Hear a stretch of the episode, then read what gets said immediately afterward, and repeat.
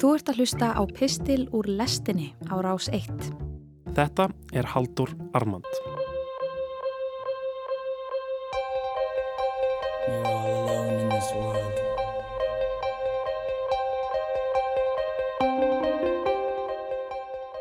Þegar ég kom heim frá Myanmar þurfti ég að býða í margar vikur eftir að sál mín fylgdi á eftir, sagði hún við mig.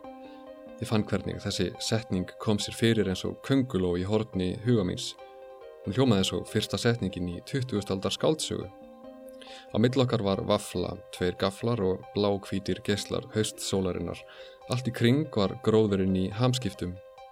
Ég mændi í brún augun og reyndi að sjá hana fyrir mér, burðast heim með ferðartösku eftir langa flugferð, meðan sál hennar fór fótgangandi þessa sömu leið yfir fjöll og fyrnindi, höf og heimsálfur, ekki væntanleg fyrir neftir nokkrar vikur. Já, svona öðru ferðalag, hugsaði ég, maður stýgur upp í flugvél, en það er eins og, já, sálinn í manni verði eftir einhvern veginn.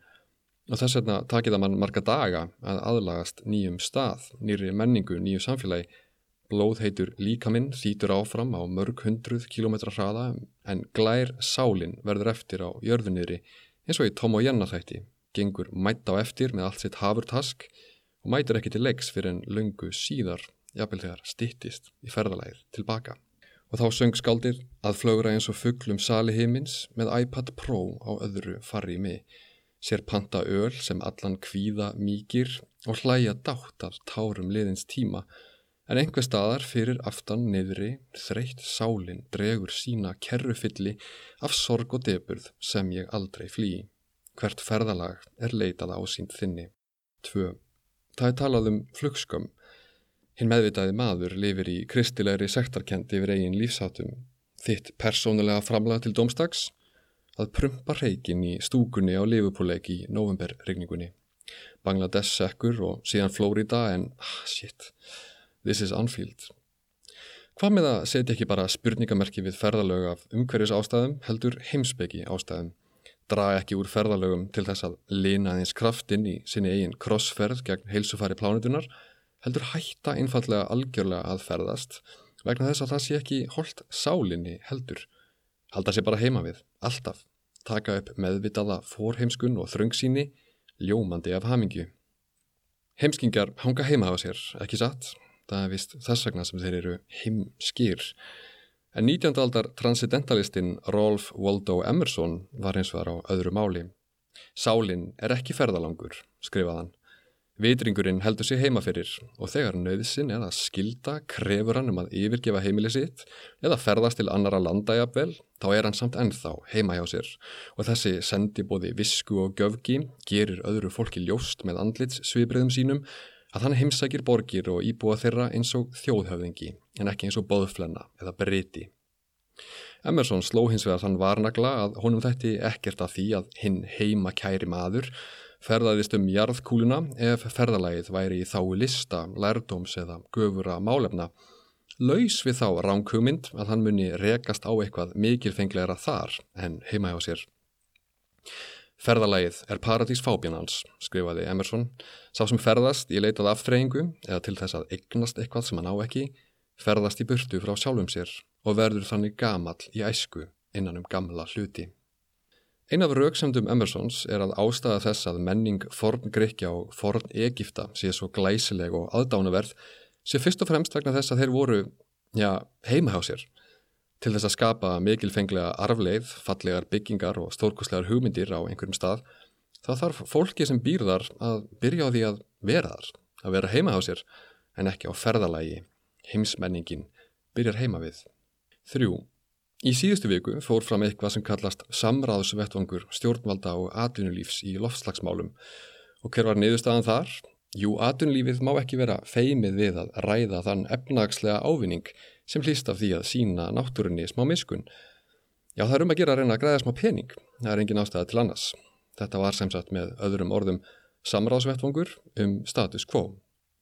Ástæða þess að alþjóðlega hagkerfið er dómstagsvél er nákvæmlega svo að það grundvallast á þeirri hugmyndafræði einni að hlutverk manna hér á jörð sé að græða sem allra mestan pening óháð því hvaða beinu eða óbeinu afleðingar það kann að hafa fyrir aðra en þann sem græðir.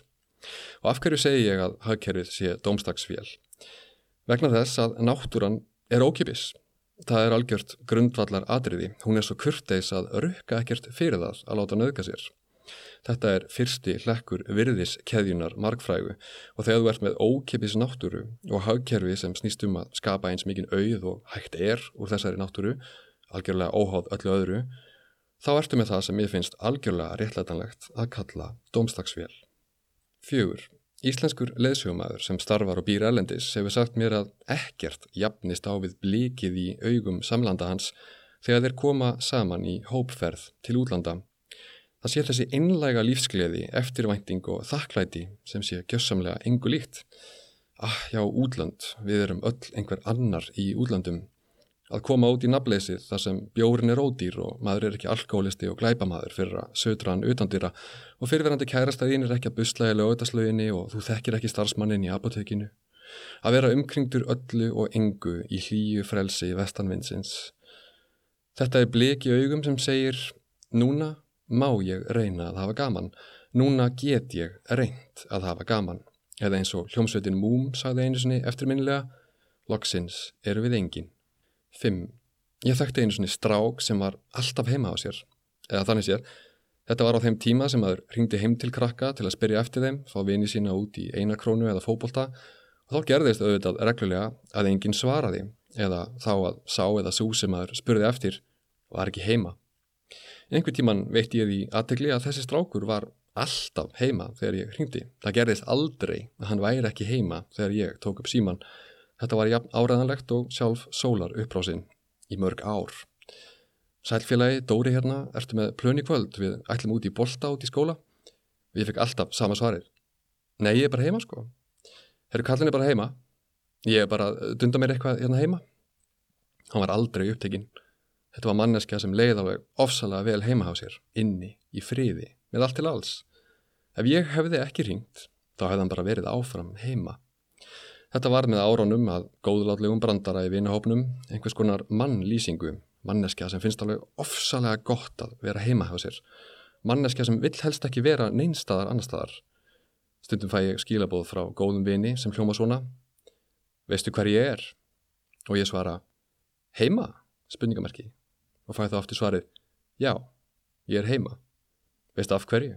og ég svara af því að þér finnst það svo gott og fæ svarið já, ég er heima því að mér finnst svo svakalega gott að vera heima 6.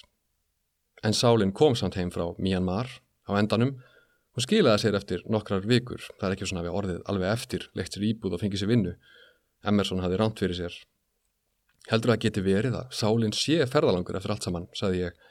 Málið sé bara að hún sé dálitið hægfara. Meika það ekki sens.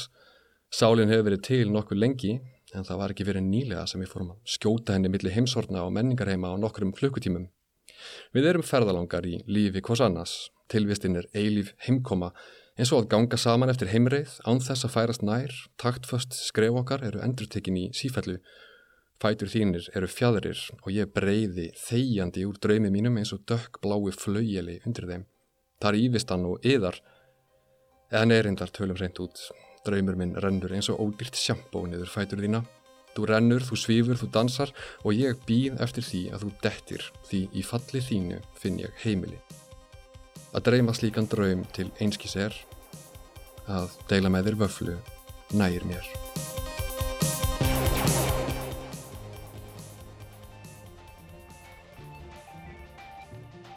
Þú varst að hlusta á Haldur Armand, nýr pistill frá Halduri, hljómar á hverjum þriðu degim í lestinni á Rás 1.